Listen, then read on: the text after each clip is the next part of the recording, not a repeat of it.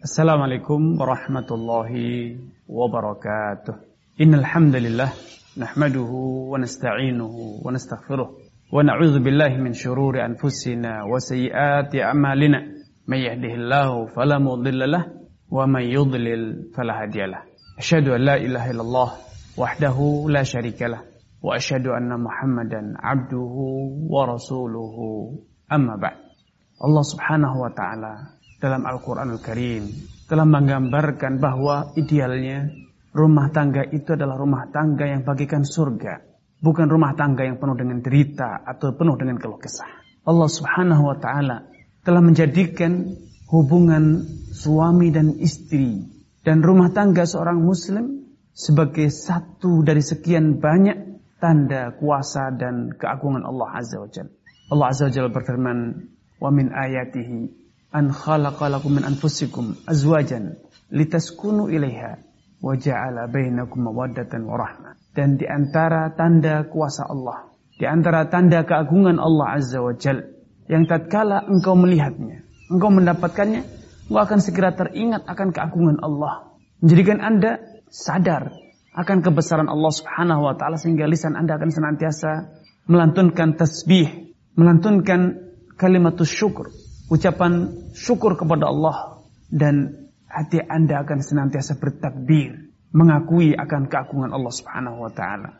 Di antara tanda keagungan Allah adalah dijadikannya an, an min anfusikum wa min ayati an min anfusikum. Di antara tanda keagungan Allah adalah Allah menciptakan dari diri kalian azwajan, istri-istri untuk kalian. Litaskunu ilaiha. Kemudian Allah jelaskan mengapa adanya istri, hadirnya istri menjadi tanda keagungan Allah karena Allah tegaskan litas kunu ilaiha agar kalian dengan istri-istri itu mendapatkan sakinah, kedamaian, ketenangan. Ketika nafsu birahi Anda bergejolak, maka Anda mendapatkan penawarnya di istri Anda. Ketika akal pikiran Anda sedang galau, Anda sedang berhadapan dengan problematika yang sangat besar, sangat-sangat berat, maka Anda akan mendapatkan jawaban dan solusinya pada istri Anda. Nabi Shallallahu Alaihi Wasallam mencontohkan akan hal ini. Betapa Nabi Shallallahu Alaihi Wasallam dengan segala kesempurnaan seorang lelaki, dengan ilmu sebagai seorang rasul, dengan dukungan para malaikat, wahyu dari Allah Subhanahu Wa Taala. Namun demikian, beliau sering menemukan solusi bagi problematika yang beliau hadapi di mana? Bukan di konsultan Bukan dari seorang yang gagah perkasa. Tetapi beliau menemukan solusi itu pada istrinya yang berusaha memandang, menilai, dan mengurai problematika dengan kelembutan seorang wanita dan kasih sayang seorang wanita yang setia. Suatu hari Nabi Shallallahu Alaihi Wasallam ketika perang Hudaybiyah, Nabi Shallallahu Alaihi Wasallam membawa pasukannya, para sahabat yang telah sekian lama merindukan kota Mekah, terlebih kaum muhajirin yang telah sekian lama terusir dari kampung halamannya. Telah sekian lama mereka tidak berkesempatan untuk bisa bertawaf di sekitar Ka'bah. Rasa rindu yang luar biasa. Setelah sekitar tujuh tahun, kesempatan itu terbuka kembali. Nabi Shallallahu Alaihi Wasallam bersama para sahabat memutuskan untuk ke Mekah, pergi ke Mekah menunaikan umroh. Namun demikian, di tengah jalan, ketika Nabi Shallallahu Alaihi Wasallam telah tiba di daerah Hudaybiyah, perbatasan kota Mekah, alias sesaat lagi. Umroh telah di depan mata, Ka'bah telah di depan mata, ternyata Quraisy telah keluar dengan segala kemampuan yang mereka miliki, pasukan yang mereka miliki, mereka bertekad untuk menghalangi Nabi SAW dengan para sahabatnya agar tidak menunaikan ibadah umroh pada saat ini. Maka negosiasi demi negosiasi telah dilangsungkan agar kaum muslimin bisa menunaikan ibadah umroh. Namun Quraisy tetap bersikukuh bahwa Nabi beserta para sahabat tidak boleh menunaikan ibadah umrah pada tahun tersebut. Mereka harus kembali. Karena Quraisy ingin menjaga supremasinya sebagai penguasa Arab. Bahwa siapa pun tidak bisa sesuka hatinya bertawaf keliling di sekitar Ka'bah kecuali atas izin dan restu dari Quraisy. Maka Nabi Shallallahu Alaihi Wasallam dengan segala pertimbangan dan juga atas petunjuk wahyu dari Allah Subhanahu Wa Taala Nabi memerintahkan para sahabat untuk tahallul, mengurungkan niat menunaikan ibadah umrah. Dengan konsekuensi, para sahabat setelah perjanjian Hudaybiyah tersebut akan diberi kesempatan menunaikan umrah kapan? Pada tahun depan. Dengan ketentuan ketika para sahabat menunaikan ibadah umrah, Quraisy akan keluar dari perumahannya, dari dari rumah masing-masing menjauh tidak ingin menyaksikan, tidak ingin hadir menyaksikan langsung Nabi dan para sahabat menunaikan ibadah umrah. Tentu para sahabat yang kali itu berjumlah besar, lebih dari 1300 pasukan dengan membawa senjata yang lengkap. Mereka merasa telah memiliki kekuatan untuk melawan arogansi Quraisy. Para sahabat kecewa, rindu terhadap Ka'bah. Arogansi Quraisy tiada henti. Maka para sahabat mengharapkan agar Nabi SAW menganulir perintah tersebut. Perintah untuk bertahalul, mengakhiri atau membatalkan ibadah umrah. Maka para sahabat ketika mendapatkan perintah ini mereka semua tidak mematuhi perintah Nabi. Dengan harapan Nabi melihat kesungguhan dan jiwa patriotik para sahabat yang siap berkorban melawan arogansi Quraisy. Namun demikian wahyu telah turun memerintahkan Nabi SAW dan para sahabat untuk kembali ke kota Madinah dan menjalankan poin-poin kesepakatan dengan orang-orang Quraisy. Maka rasa kecewa para sahabat menjadikan mereka lupa daratan. Amarah, rasa kecewa yang begitu besar menjadikan mereka lupa bahwa mereka berhadapan dengan Rasul. Mereka mendapatkan perintah dari Rasul yang wa ma yantiqu anil hawa. Tidaklah dia berkata-kata dari hawa nafsu, tapi in huwa illa wahyu yuha. Semua itu adalah wahyu yang Allah turunkan kepada beliau. Ketika Nabi SAW menyaksikan para sahabat yang tidak satu pun mereka tunduk dan patuh kepada perintah beliau. Maka beliau murka dan kecewa dengan sikap sahabatnya ini. Maka Nabi SAW masuk ke salah satu tenda istri Nabi SAW yaitu Ummu Salamah. Dalam kondisi mukanya memerah marah. Maka Ummu Salamah dengan kelembutan seorang wanita. Berusaha memberikan solusi yang penuh dengan kelembutan namun sangat efektif. Beliau dengan kehangatan seorang istri menghampiri Nabi SAW menunjukkan rasa empati dengan apa yang sedang dialami oleh Nabi. Man aghdabak aghdabahullah. Wahai suamiku, wahai Rasul, siapakah yang telah menjadikan engkau murka? Semoga Allah jadikan dia murka pula. Semoga Allah balas perbuatan dia yang telah menjadikan engkau murka. Allah jadikan dia murka juga. Nabi mengatakan, Wahai Ummu Salamah, bagaimana aku tidak marah? Bagaimana aku tidak kecewa? Aku seorang Rasul. Aku pemimpin. Aku perintahkan sahabatku untuk tahallul. Menghentikan, membatalkan rencana umrah. Namun fala uta. Tidak satu pun yang taat. Tidak satu pun yang tunduk kepadaku. Maka Ummu Salamah naluri seorang istri yang penuh dengan kelembutan. Beliau bertanya kepada Nabi, "Awatuhibbu dzalik?" Wahai suamiku, apakah engkau betul-betul menginginkan agar para sahabatmu semuanya bertahalul? Qala bala. Ya, betul. Aku menginginkan itu kata Nabi. Maka Ummu Salamah dengan kelembutan seorang wanita memahami bagaimana solusi paling jitu. Beliau bisa memahami apa yang ada di perasaan para sahabat. Apa yang menimpa para sahabat dengan perintah ini? Kecewa, amarah, sehingga menjadikan mereka lepas kontrol. Emosi yang begitu memuncak menjadikan para sahabat lupa bahwa mereka berhadapan dengan perintah Nabi. Maka Ummu Salamah berkata kepada Nabi dengan lembutnya, "Ukhruj ilaihim la tukallim ahadan." Wahai Nabi, kalau engkau betul-betul menginginkan agar para sahabat bertahallul, mengurungkan ibadah umrahnya, maka segera engkau keluar lagi dari tenda ini. Jangan engkau berbicara dengan siapa pun sampai engkau panggil tukang cukurmu. Kemudian dia segera mencukur rambutmu. Niscaya mereka semua akan berbondong-bondong mengikutimu menuruti perintahmu. Maka Nabi SAW sadar bahwa ternyata solusi seorang istri yang penuh dengan kelembutan efektif.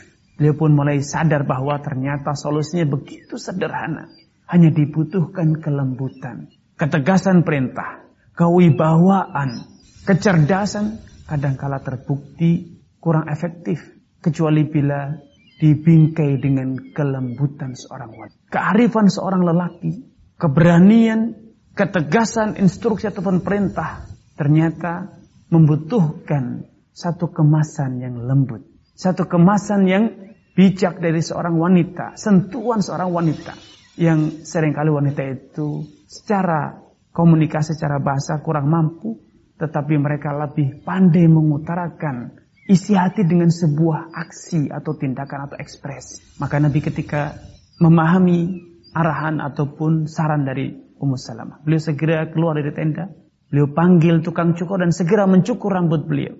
Ketika para sahabat melihat Nabi SAW betul-betul telah mencukur rambutnya, maka tidak ada lagi tersisa ruang untuk adanya nasakh, adanya anulir perintah tidak mungkin ada wahyu yang menganulir membatalkan perintah untuk tahallul. Maka segera mereka berbondong-bondong mencukur rambutnya namun masih dalam kondisi emosi, marah, kecewa dengan Quraisy yang telah menjadi biang gagalnya, urungnya ibadah umrah mereka. Tertundanya obat rasa rindu mereka. Rasa rindu mereka tertunda belum mendapatkan obatnya dengan menaikkan ibadah umrah. Subhanallah. Nabi dengan segala keilmuan. Nabi dengan segala bimbingan dari Allah Azza wa Jalla. Wahyu yang turun kepada beliau.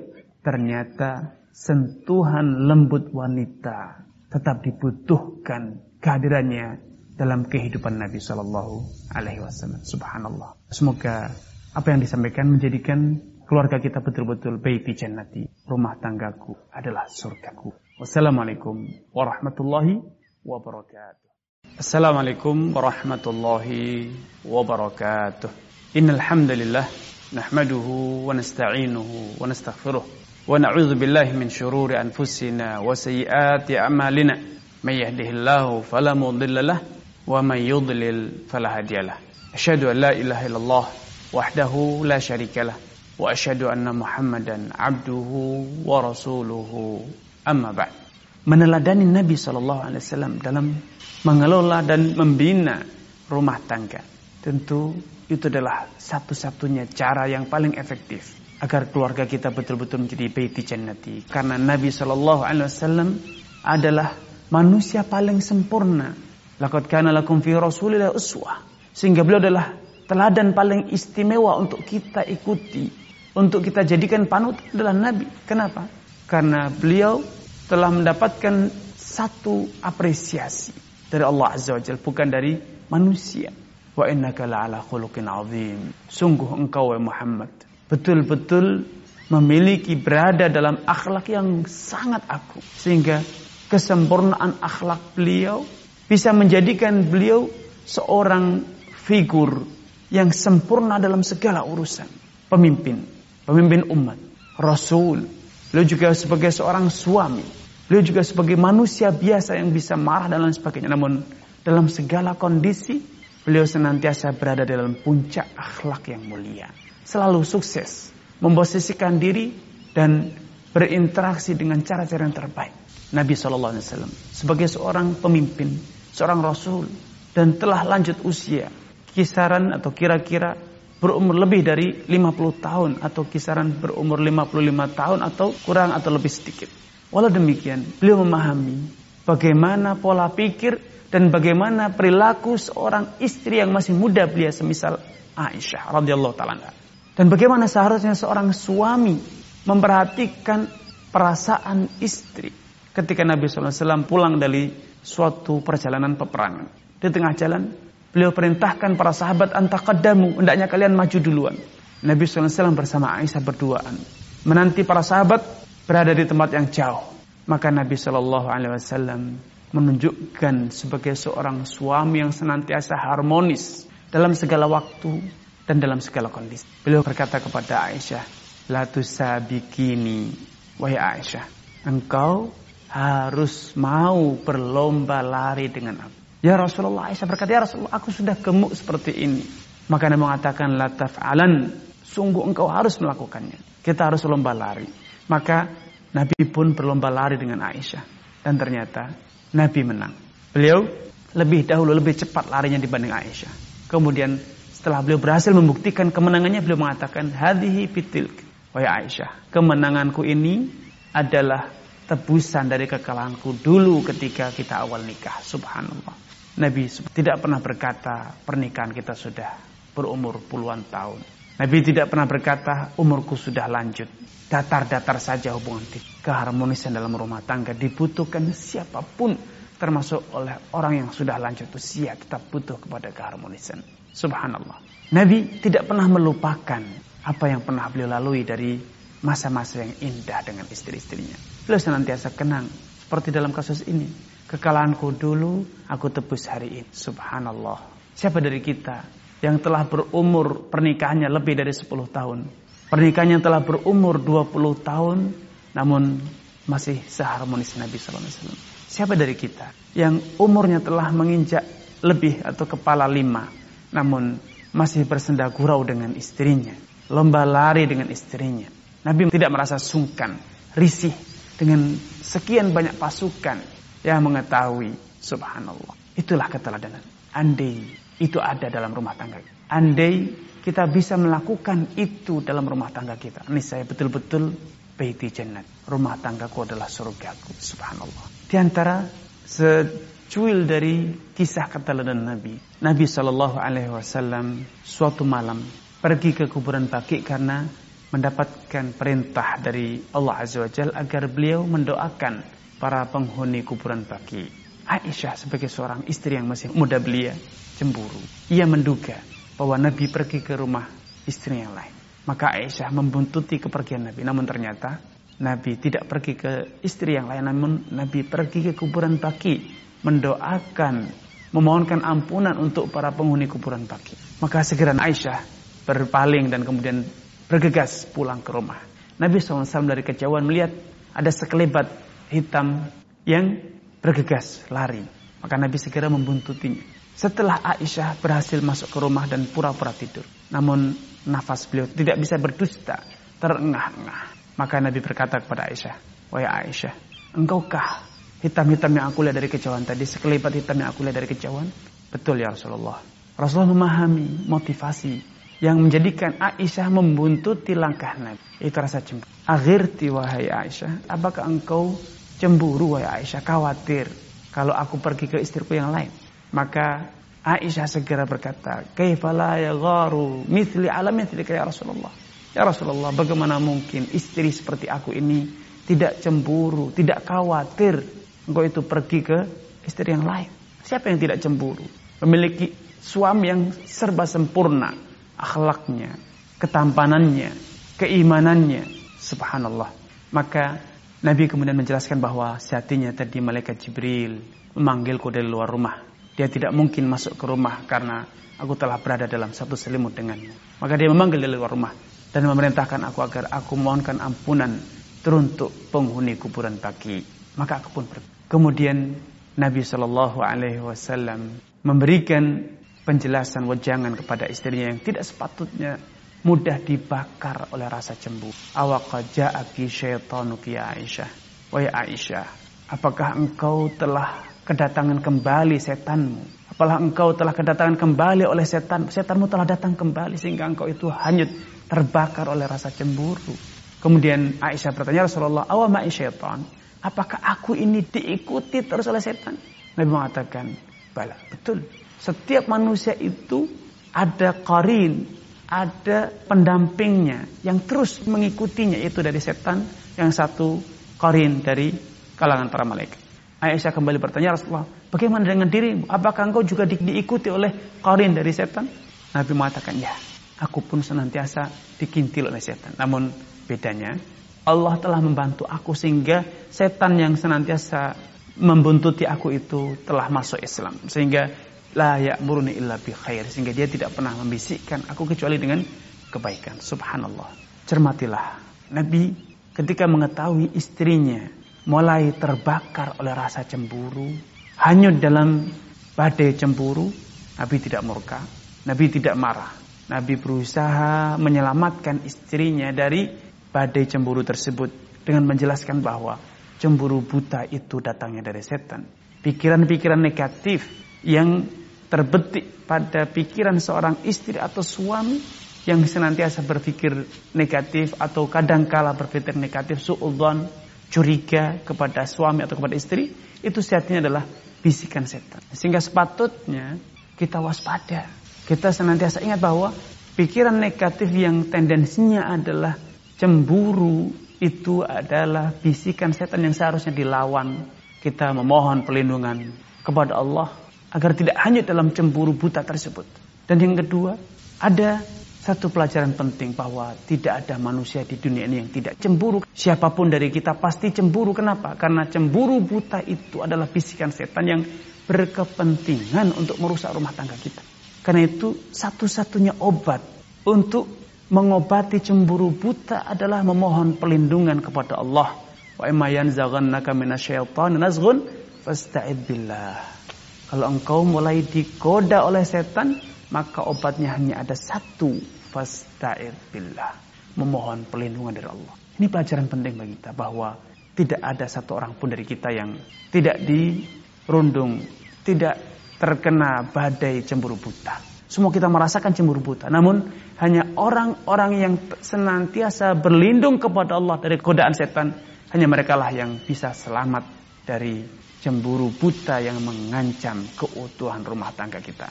Ini sekelumit dari keteladanan Nabi Shallallahu Alaihi Wasallam sebagai seorang suami yang juga sebagai seorang uswah Rasul teladan kita semua dalam mengarungi mahligai rumah tangga. Semoga apa yang disampaikan menjadikan keluarga kita betul-betul baiti jannati. Rumah tanggaku adalah surgaku. Wassalamualaikum warahmatullahi wabarakatuh. Assalamualaikum warahmatullahi wabarakatuh. Alhamdulillah wassalatu wassalamu ala Rasulillah wa ala alihi wa ashabihi wa man wala ma ba'du. Kembali saya hadir untuk berbincang-bincang dengan Anda, merencanakan, menggubah dan juga menyusun bagaimanakah seharusnya rumah tangga kita ini kita bangun. Bagaimanakah sepatutnya keteladanan Nabi Shallallahu alaihi wasallam dapat diwujudkan dalam rumah tangga kita. Sebagai seorang muslim, kita semua percaya beriman bahwa panutan kita hanya ada satu yaitu Nabi Shallallahu alaihi wasallam bukan hanya dalam hal ibadah, tetapi dalam semua urusan muamalah, perniagaan, ataupun hal-hal yang bersifat personal, rumah tangga, ataupun urusan kita. Dalam kehidupan rumah tangga, semua orang menyadari dan merasakan pasang surut kehidupan, ada suka, ada duka.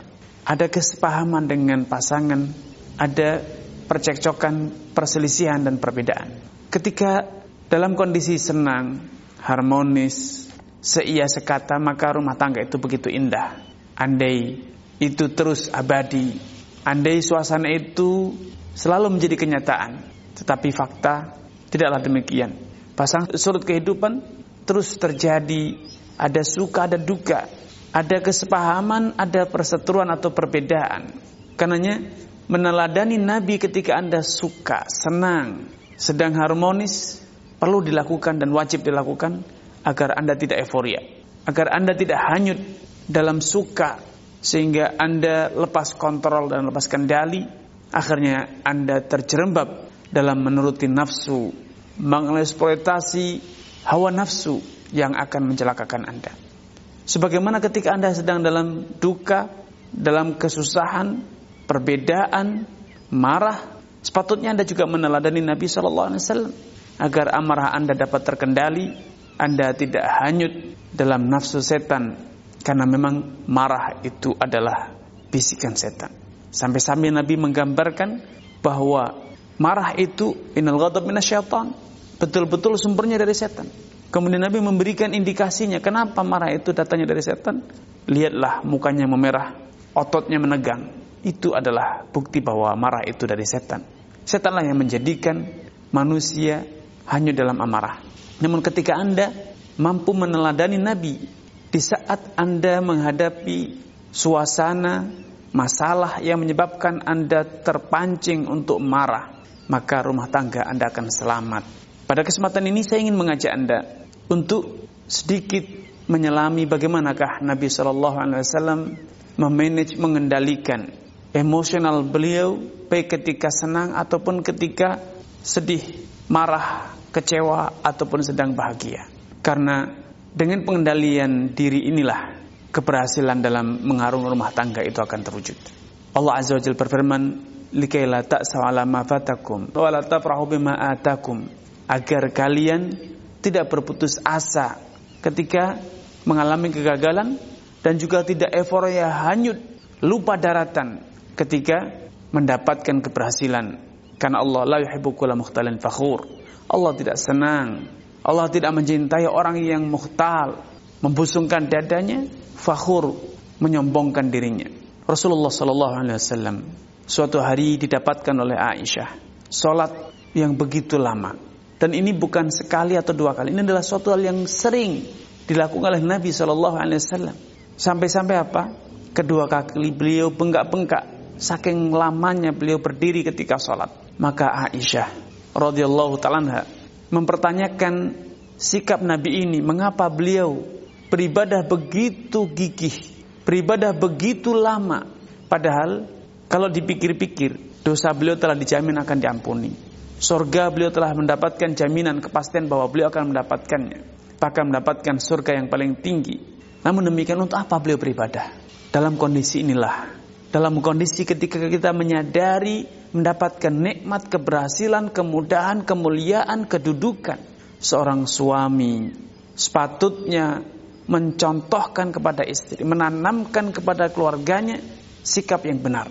Nabi menanamkan hal ini, mengajarkan hal ini kepada istri beliau Aisyah dengan sabdanya. Dalam kondisi tersebut beliau bersabda, afala akunu abdan syakura wahai Aisyah betul apa yang kau katakan bahwa Allah telah menjamin akan dimasukkan surga diampuni dosa-dosaku yang telah lalu dan akan datang namun demikian itu semua nikmat tidakkah pantas tidakkah layak kalau aku menyadari hal itu kemudian aku pandai-pandai bersyukur melipat gandakan syukur kepada Allah Subhanahu wa taala seiring dengan besarnya nikmat maka semakin besar pula implementasi syukur yang harus kita lakukan. Ini adalah sebuah keteladanan.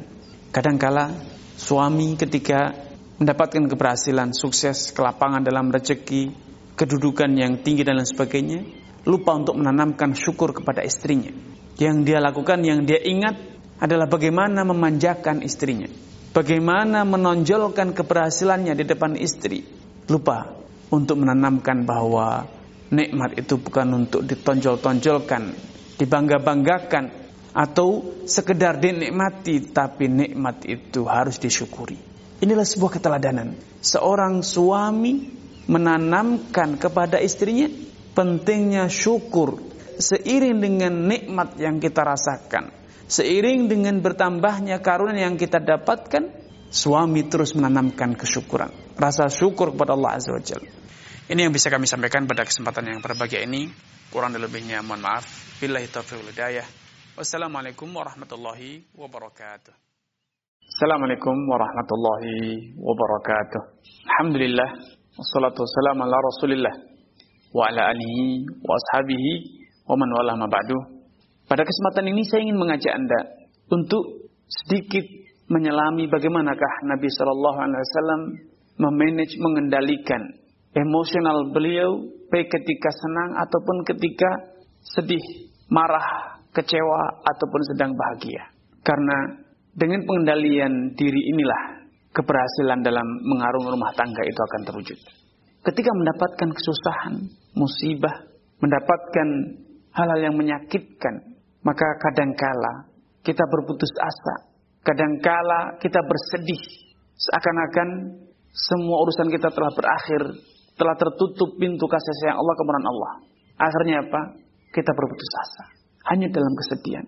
Karena seorang suami yang telah Allah pilih sebagai kawam. Allah katakan ar-rijalu qawwamuna 'alan nisa. Seorang suami lelaki itu adalah seorang pemimpin yang bertugas untuk meluruskan, memimpin kaum wanita itu istri-istrinya karena mereka kaum laki memiliki kelebihan dalam urusan harta, mereka menafkahi, mereka memberi mas kawin, dan juga mereka memiliki kelebihan, kekuatan fisik, kekuatan mental, keberanian, dan keuletan. Ya, mereka memberi nafkah, dan kemudian kaum lelaki juga memiliki kelebihan dalam hal hal yang lain. Nah, ketika dalam kondisi musibah kesusahan, lagi-lagi Nabi memberikan keteladan yang luar biasa kepada keluarganya. Ketika salah seorang putri Nabi Shallallahu Alaihi Wasallam mengirimkan seorang utusan menyampaikan bahwa salah satu putranya meregang nyawa, meninggal dunia. yaitu cucu Nabi Shallallahu Alaihi Wasallam. Maka Nabi Shallallahu Alaihi Wasallam berkata kepada utusan putrinya tersebut mengatakan murha fal tasbir wal tahtasib perintahkan kepada dia agar dia sabar agar dia tabah dan tahtasib memohon pahala dari Allah Azza wa Jalla. Beliau tanamkan musibah bukan untuk diratapi, disesali karena musibah itu datangnya dari Allah Azza wa. Semua itu telah berjalan sesuai dengan takdir. Untuk apa kita hanyut dalam kesedihan sampai misalnya memukul-mukul badan sendiri, merobek baju, menjerit histeris, atau menganggap bahwa dunia telah kiamat, gelap mata. Tidak sepatutnya seorang muslim melakukan hal tersebut. Karena matinya anak, matinya orang tua, matinya saudara, bukan berarti matinya kita. Tertutupnya pintu rezeki seseorang bukan berarti pintu rezeki kita juga ikut tertutup. Berakhirnya Hayat seorang bukan berarti akhir dari kehidupan kita pula. Masing-masing akan menjalani takdirnya, suratan takdirnya. Sehingga kita harus tetap berada dalam kendali iman. Karena Nabi Shallallahu Alaihi Wasallam mengancam wanita-wanita yang lepas kendali ketika mendapatkan musibah bahwa ini bariun minas saliqati wal haliqati bahwa aku berlepas diri dari wanita-wanita yang menggundul kepalanya ketika ditimpa musibah atau salikato yang berteriak-teriak menjerit histeris.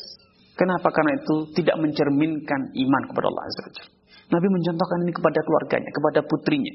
Dalam lain kesempatan ketika putranya yaitu Ibrahim alaihissalam, putra Nabi SAW meninggal dunia. Putra beliau dari budak yang beliau miliki itu Maria Kiptiyah yang diberi nama Ibrahim meninggal dunia di saat sakaratul maut menjemput putranya, Nabi Shallallahu Alaihi Wasallam meneteskan air mata sebagai tanda beliau bersedih. Maka sebagian sahabat bertanya perihal tangisan Nabi tersebut. Apalagi sebelumnya mereka telah mendengar bahwa Nabi Shallallahu Alaihi Wasallam mencegah atau melarang, mencela wanita-wanita yang salikoh, wanita-wanita yang menggundul rambutnya atau halikoh, salikoh yang berteriak-teriak histeris. Dalam riwayat lain Nabi juga mencela wanita-wanita yang naihah, meratapi kematian seseorang. Namun ketika putra beliau meninggal Nabi menangis. Kemudian beliau berkata, "Ya wahai Ibrahim, inna bil firaqi la mahzunun." Wahai Ibrahim, sungguh perpisahan kita ini sangatlah menyedihkan. Kita sangatlah bersedih, berduka ketika harus berpisah dengan dirimu. Namun ketika ditanya, "Kenapa harus menangis?" Nabi menjawab sikap yang benar yang dilakukan oleh seorang muslim ketika mengalami kesedihan, kesusahan. Innaha rahmatun. Wahai tangisan ini adalah implementasi dari kasih sayang seorang ayah. Dalam ayat lain beliau mengatakan, Innal aina la tadma. Sungguh, kedua mata itu bisa saja menangis. Wa innal qalba la yahzan. Dan sungguh, hati itu tersayat-sayat pilu karena sedih. Wala naqulu illa ma yurdi rabbana. Namun demikian, apa pun yang terjadi walaupun mata menangis, meneteskan air mata, hati bersedih, tidak menjadikan lisan kita sembrono, gegabah dalam bertutur kata, menjerit histeris. Tidak. Tetap saja apa pun kondisinya, la naqulu illa ma yurdi rabbana. Kita tidak bertutur kata kecuali yang diridai Allah Subhanahu wa taala. Itu mengatakan istirja. Inna lillahi wa inna ilaihi rajiun. Demikianlah sikap seorang muslim. Dinamika rumah tangga yang ada kenikmatan, ada kemudahan, ada kelapangan, ada suka, namun juga ada duka. Disikapi dengan kendali iman. Sehingga apa pun yang terjadi, rumah tangga akan tetap berada di bawah bimbingan dan naungan agama Allah Azza wa Ini yang bisa kami sampaikan pada kesempatan yang berbahagia ini. Kurang lebihnya mohon maaf. Billahi taufiq hidayah. Wassalamualaikum warahmatullahi wabarakatuh. Assalamualaikum warahmatullahi wabarakatuh. Alhamdulillah. Wassalatu wassalamu ala rasulillah. Wa ala alihi wa ashabihi wa man wala ma ba'du. Pada kesempatan ini saya ingin mengajak Anda untuk sedikit menyelami bagaimanakah Nabi Shallallahu Alaihi Wasallam memanage mengendalikan emosional beliau baik ketika senang ataupun ketika sedih, marah, kecewa ataupun sedang bahagia. Karena dengan pengendalian diri inilah keberhasilan dalam mengarung rumah tangga itu akan terwujud. Demikian pula tatkala berada dalam kondisi perbedaan perselisihan ataupun dalam kondisi emosional yang lainnya ketika suami marah atau istri marah, suami kecewa ataupun istri kecewa. Tidak sepatutnya kekecewaan terhadap pasangan itu menjadikan kita lepas kontrol. Misalnya suami karena marah dengan istri, memukul, menyiksa, menyakiti hati ataupun fisik istrinya. Tentu itu tidak tepat. Sampai-sampai Nabi SAW mengatakan, La yadrib ahadukum emra'atahu kama yadribu al-ba'ir thumma yabitu yudaji'uha. Tidaklah layak seorang muslim memukul, menyakiti istrinya sebagaimana dia memukul ba'ir onta, kemudian faktanya kalau malam tiba dia menggauli istrinya kembali. Itu satu perilaku yang tidak sepatutnya lakukan. Bengis, hilang rasa, baru saja melampiaskan amarah dengan pukulan, kemudian dia mengharapkan layanan. Dia menggaulinya, dia melampiaskan nafsunya kepada wanita tersebut. Tentu ini mencerminkan perilaku yang sangat buruk, akhlak yang sangat rendah. Mungkin ada berkata, bukankah Nabi tidak pernah marah kepada istrinya? Bukankah beliau adalah orang yang paling sabar, orang yang paling baik akhlaknya? Ya betul. Tetapi bukan berarti Nabi tidak pernah marah. Nabi pernah marah kepada keluarganya. Nabi pun pernah kecewa dengan keluarganya. Tetapi marahnya, kecewanya tidak dilampiaskan dengan membabi buta, memukul, menghina, menyakiti. Itulah yang disimpul oleh Aisyah radhiyallahu taala anha beliau mengatakan ma daraba Rasulullah sallam biyadihi qat lam ra'atan wala khadiman.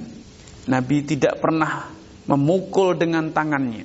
Nabi tidak pernah menggunakan tangannya untuk memukul seseorang sama sekali. Tidak istrinya, tidak budaknya. Kecuali bila agama Allah telah dinodai, maka bila beliau mendapatkan agama Allah dinodai, beliau akan segera bangkit menuntut menegakkan hukum Allah Subhanahu wa taala. Ketika beliau marah, beliau tidak lepas kontrol. Sebagaimana ketika beliau senang, beliau juga tidak lepas kontrol. Beliau tetap berada dalam kendali, beliau tetap berada dalam koridor syariat. Ini keteladanan yang seharusnya kita bangun sehingga pada saatnya betul-betul kita akan secara natural, secara alami hati kita berawal dari kita, hati kita kemudian berlanjut dengan lisan kita, kita akan berikrar baiti jannati. Sungguh rumah tangga yang dibangun dengan keteladanan kepada Nabi Shallallahu Alaihi Wasallam akan menghasilkan rumah tangga yang sangat indah. Baiti jannati, rumahku adalah surgaku.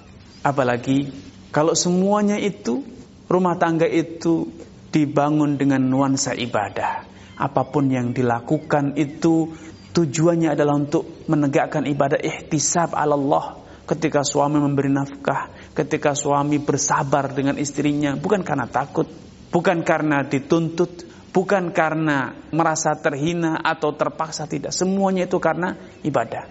Suatu hari Nabi Shallallahu Alaihi Wasallam bersabda menggambarkan fakta ini. Dan ini nyata dalam kehidupan beliau bahwa apa pun yang engkau berikan kepada istrimu termasuk sesuap makanan yang engkau berikan hatta lukmah taj'aluha fi fimra'atik laka biya sadaqah. Sesuap makanan yang engkau berikan kepada istrimu itu adalah bernilai ibadah yaitu bernilai sedekah. Sampai pun ketika engkau menggauli istrimu wa fi budhi ahadikum sadaqah.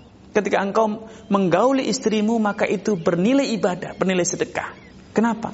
Karena dengan engkau menggauli istrimu Engkau telah membentengi dirimu dari perbuatan zina dan engkau juga telah membentengi istrimu dari perbuatan zina. Subhanallah. Pola pikir yang dibangun begitu indah. Andai kita semua mampu meneladani sehingga apa pun yang kita lakukan, kita duduk di rumah ataupun kita pergi beraktivitas, bekerja, berkarya ataupun kita meladeni istri kita dalam berbicara, bercengkrama, semuanya kita niatkan untuk ibadah kepada Allah. Niscaya rumah tangga kita betul-betul rumah tangga yang akan harmonis dan aura surga itu betul-betul akan terasa dalam rumah tangga kita. Baiti jannati, rumahku adalah surgaku. Ini yang bisa kami sampaikan pada kesempatan yang berbahagia ini. Kurang lebihnya mohon maaf.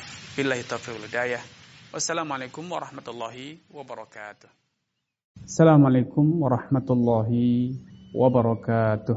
Innal hamdalillah nahmaduhu wa nasta'inuhu wa nastaghfiruh. ونعوذ بالله من شرور أنفسنا وسيئات أعمالنا من يهده الله فلا مضل له ومن يضلل فلا هادي له أشهد أن لا إله إلا الله وحده لا شريك له وأشهد أن محمدا عبده ورسوله أما بعد kehidupan rumah tangga yang dialami atau dijalani oleh masing-masing kita pasti ada arah dan tujuan. Sebagian kita mungkin memiliki orientasi untuk mengantarkan keluarga ini menjadi keluarga yang kaya raya, penuh dengan fasilitas, kesenangan dan kemewahan. Bisa jadi dari sebagian kita punya orientasi pendidikan, ingin menjadikan keluarga ini adalah keluarga yang terpelajar, memiliki titel akademik yang tinggi. Bisa pula ada dari kita yang memiliki orientasi sosial agar suami dan istri memiliki karir sosial yang tinggi. Anak-anak pun kelak akan memiliki status sosial yang terpandang. Namun saya yakin masing-masing kita memiliki orientasi yang lebih mulia dari semua. Membangun rumah tangga bukan untuk mengumpulkan harta kekayaan. Karena apalah arti kekayaan, apalah arti harta bagi rumah tangga kita kalau ternyata harta itu hanya menjadi biang datangnya petaka.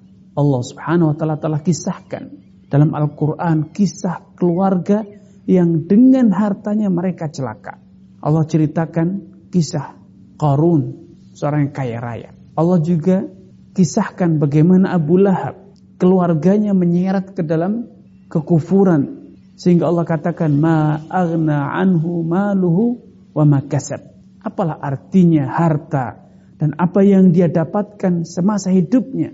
Kalau ternyata Abu Lahab beserta keluarganya kelak akan masuk dalam neraka yang zati lahab ya neraka yang apinya berkobar-kobar. Dalam Al-Qur'an Allah juga kisahkan kisah seorang raja yang memiliki orientasi kekuasaan. Keluarga yang orientasinya membangun kejayaan. Firaun ia membangun kerajaan kekuasaan dengan segala cara yang dia punya harta yang dia kerahkan pasukan yang dia miliki, semuanya adalah untuk membangun kekuasaan. Namun ternyata subhanallah, kekuasaan dia mendatangkan petaka celaka bagi dia. Bahkan Allah telah kondisikan sedemikian rupa bahwa kehancuran Fir'aun datangnya dari anak angkatnya, yaitu Nabi Musa alaihissalam. Di tengah keluarga yang penuh dengan kemaksiatan, kekafiran, keangkara murkaan. Namun ternyata Subhanallah, ketika visi misi keluarga itu tidak sejalan, istri Fir'aun memiliki visi yang benar, yang soleh, menjadi wanita yang solehah. Maka tatkala Nabi Musa menyeru berdakwah kepada Allah, istrinya Fir'aun masuk Islam, menerima hidayah dan membela kebenaran walaupun suami tidak sejalan. Sehingga kisah perjuangan istri Fir'aun mempertahankan eksistensi keislamannya. Allah abadikan dalam Al-Quran. Wa mura'ata Fir'aun idh qalat rabbi ibni li indaka baitan fil jannah wa najini min Fir'aun wa amalihi wa najini minal qawmil zalimin. Dan ingatlah kisah istri Fir'aun tatkala dia terus menerus berdoa kepada Allah, dia terjerembab, dia terperangkap dalam rumah tangga yang tidak harmonis, rumah tangga yang tidak islami, rumah tangga yang tidak mengantarkan kepada ketaatan, kepada keimanan, tapi rumah tangga yang mengantarkan kepada kekufuran, keangkara murkaan, kesewenang-wenangan. Karena dia berada di bawah kepemimpinan seorang suami yang kafir dan angkara murka. Namun itu tidak menghalangi istri Fir'aun untuk menjalankan nilai-nilai keimanan dia, memperjuangkan eksistensi keimanan dia sehingga dia terus dengan tulus berdoa kepada Allah. Rabbib nili indaka baitan fil jannah. Ya Allah, aku akan kehilangan, aku akan segera kehilangan istana di dunia ini karena aku berseberangan dengan suami yaitu Firaun, pemilik istana dunia. Maka gantikanlah dengan apa? Baitan fil jannah, istana di dalam surga. Wa najjini min fir'auna wa amalih dan lindungi aku, selamatkan aku dari kejahatan Fir'aun dan juga kejahatan perilaku Fir'aun, ulahnya Fir'aun. Subhanallah. Ini adalah potret istri yang memiliki visi sebagai seorang wanita muslimah. Ini yang bisa kami sampaikan pada kesempatan ini. Kurang dan lebihnya saya mohon maaf dan sebagai penutup subhanakallah bihamdika asyhadu an la ilaha anta astaghfiruka Sampai jumpa di lain kesempatan. Wassalamualaikum warahmatullahi wabarakatuh. Assalamualaikum warahmatullahi wabarakatuh. Innal hamdalillah nahmaduhu wa nasta'inuhu wa nastaghfiruh wa na'udzu billahi min shururi anfusina wa sayyiati a'malina. May yahdihillahu fala mudilla lahu wa may yudlil fala hadiyalah. Asyhadu an la ilaha illallah wahdahu la syarikalah anna Muhammadan abduhu wa rasuluhu amma ba'd. Allah dalam Al-Qur'an menggambarkan bagaimana kisah seorang suami yang memiliki visi yang soleh menjadi hamba Allah, menegakkan sendi-sendi keimanan dalam rumah tangganya, yaitu Nabi Lut alaihissalam. Allah kisahkan sejarah keluarga Nabi Lut, perjalanan hidup keluarga Nabi Lut. Nabi Lut menyeru berdakwah, menegakkan Islam, mengajarkan akhlak yang mulia, mencegah kemungkaran, pergaulan bebas, mencegah terjadinya homoseksual. Namun ternyata Allah telah pilihkan untuk Nabi Lot seorang istri yang tidak soleh, seorang istri yang kafirah, seorang istri yang tidak menjalani perintah suami, tidak tunduk dan patuh pada suami, tetapi tunduk dan patuh kepada nafsunya, tidak taat kepada Robnya, tetapi taat kepada bisikan setannya. Sehingga istri Nabi Lot menjadi pengkhianat terbesar dalam perjalanan dakwah Nabi Lot. Apa yang dia lakukan? Dia terus menjadi mata-mata kaum homoseksual. Menjadi pengkhianat perjalanan dakwah Nabi Lot alaihissalam. Tetapi apa yang terjadi? Ketika azab Allah telah tiba, murka Allah telah datang, Allah selamatkan Nabi Lot beserta orang yang beriman. Allah perintahkan agar mereka keluar dari rumahnya, pergi dari kampung halaman di tengah malam. Dan Allah berpesan agar ketika mereka berjalan bergegas, fokus segera meninggalkan kampung halamannya. Walayal minkum ahadun. Jangan sekalipun dari satu orang dari kalian yang menoleh ke belakang. Agar betul-betul fokus melarikan diri dari kampung yang akan segera ditimpa azab. Kecuali istrinya. Walaupun istrinya diajak pergi oleh Nabi Lot. Tanggung jawab seorang suami untuk menyelamatkan istri dari azab. Tapi apa yang terjadi? Tetap istri Nabi Lot telah digariskan bahwa dia akan termasuk orang yang ditimpa adab. Dia berpaling, dia menoleh ke belakang dan dia pun terkena adab Allah Subhanahu wa taala. Namun bejatnya istri, rusaknya istri, kafirnya istri tidak menggoyahkan keimanan Nabi Lut sebagaimana keangkara murkaan Firaun tidak menggoyahkan kekokohan iman istrinya sehingga mereka tetap beriman, menjalankan ketaatan kepada Allah. Karena mereka dalam membangun rumah tangga memiliki visi yang jelas Suami bukanlah Tuhan, istri bukanlah sembahan. Tetapi mereka adalah partner untuk bisa sampai kepada maradatillah, keridhaan Allah SWT. Untuk bisa menegakkan ibadah kepada Allah. Tetapi ketika di tengah jalan terbukti mereka adalah partner yang berkhianat. Pasangan yang berkhianat. Pengkhianatan istri. Pengkhianatan suami tidak menjadikan mereka berubah arah dan kemudian kompromi. Berhenti tengah-tengah. Tidak. Tetap pada visi Rabbun Allah thumma istaqamu. Innal ladzina qalu rabbuna Allah thumma. Jadinya orang-orang yang telah mengikrarkan Rabbun Allah, Rabb kita adalah Allah, kemudian mereka istiqamah dengan perjalanan tersebut. Tatanazzalu alaihimul malaikatu alla takhafu wa la tahzanu.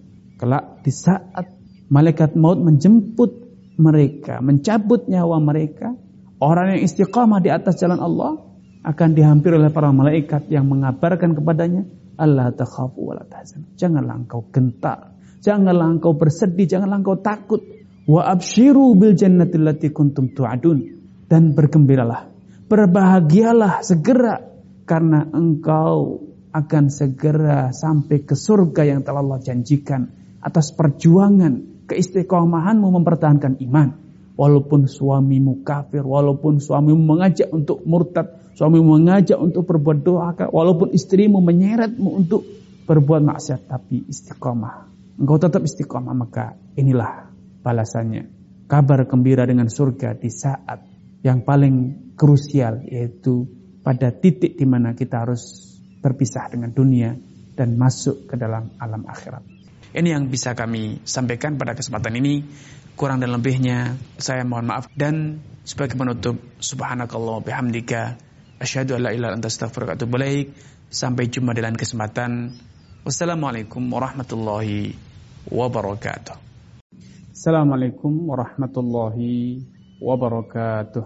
Innal hamdalillah nahmaduhu wa nasta'inuhu wa nastaghfiruh ونعوذ بالله من شرور أنفسنا وسيئات أعمالنا من يهده الله فلا مضل له ومن يضلل فلا هادي له أشهد أن لا إله إلا الله وحده لا شريك له وأشهد أن محمدا عبده ورسوله أما بعد Allah dalam Al-Quran menggambarkan bagaimana visi satu rumah tangga yang istimewa, yang luar biasa.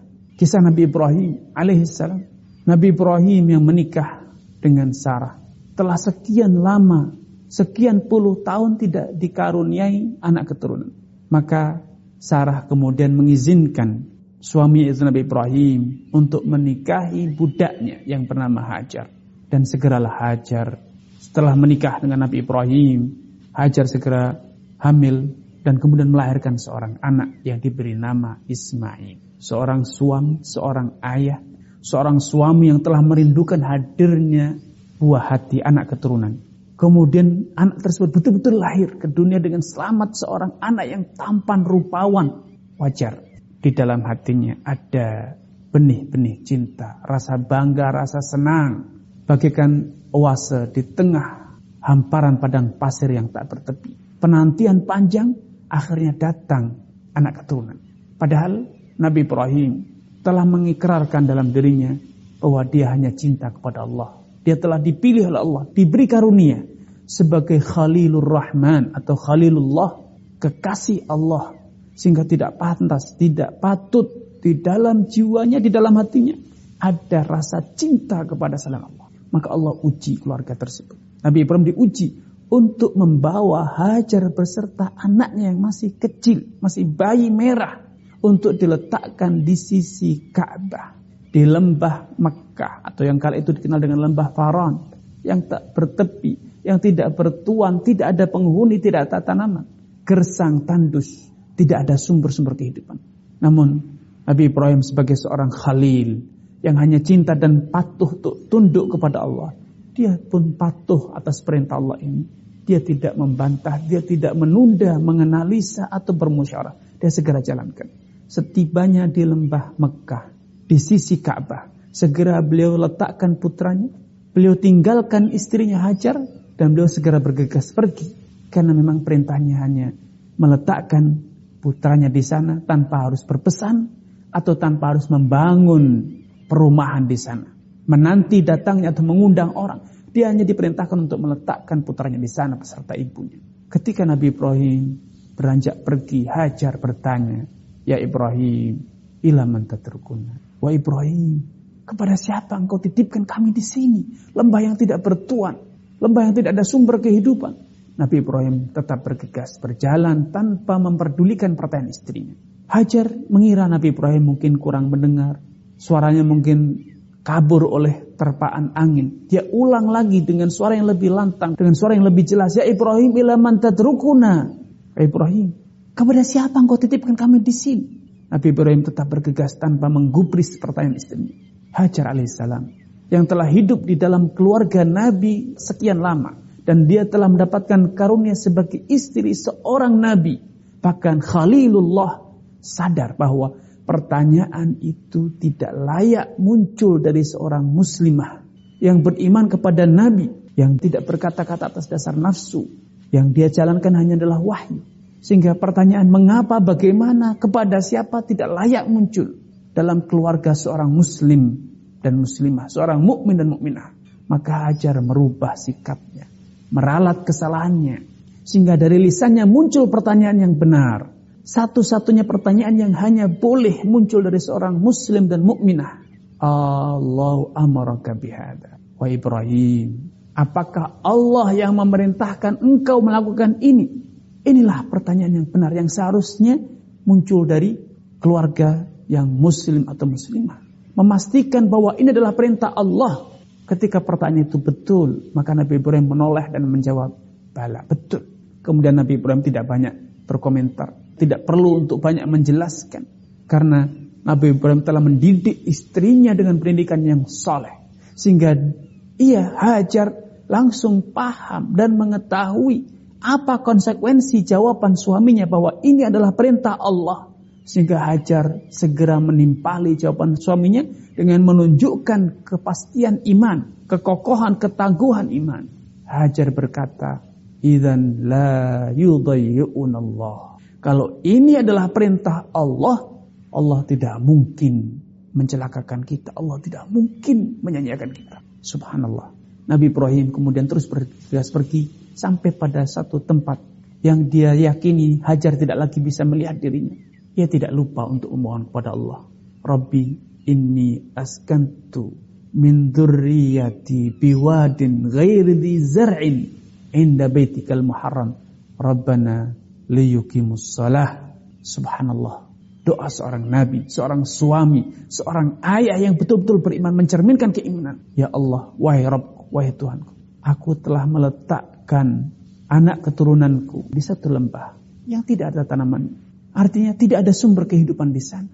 Tapi aku lakukan karena aku yakin sumber kehidupan itu datangnya dari engkau. Walaupun tidak ada tanaman, mereka akan bisa bertahan hidup karena kehidupan itu datangnya dari engkau.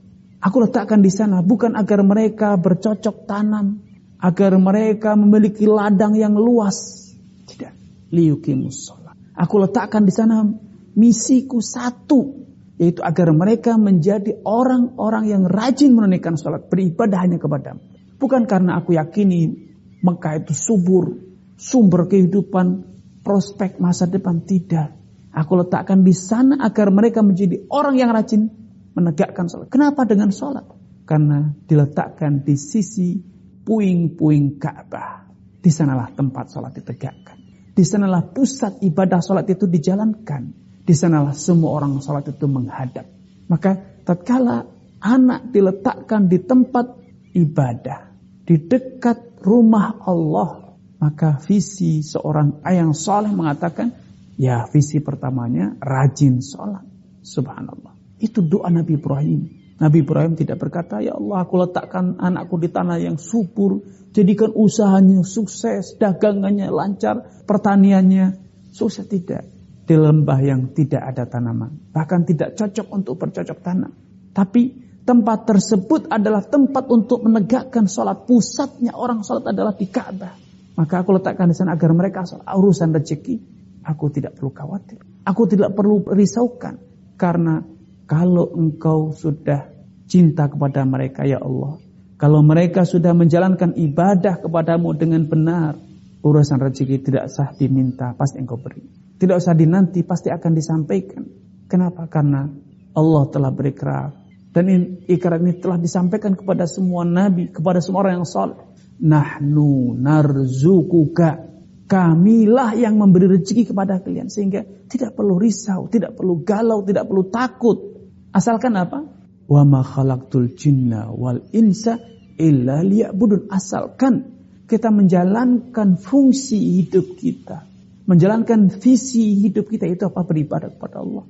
Kata Allah Subhanahu wa taala, aku tidaklah menciptakan jin dan manusia kecuali agar mereka menegakkan ibadah kepada Ma uridu minhum min rizkin wa ma uridu an.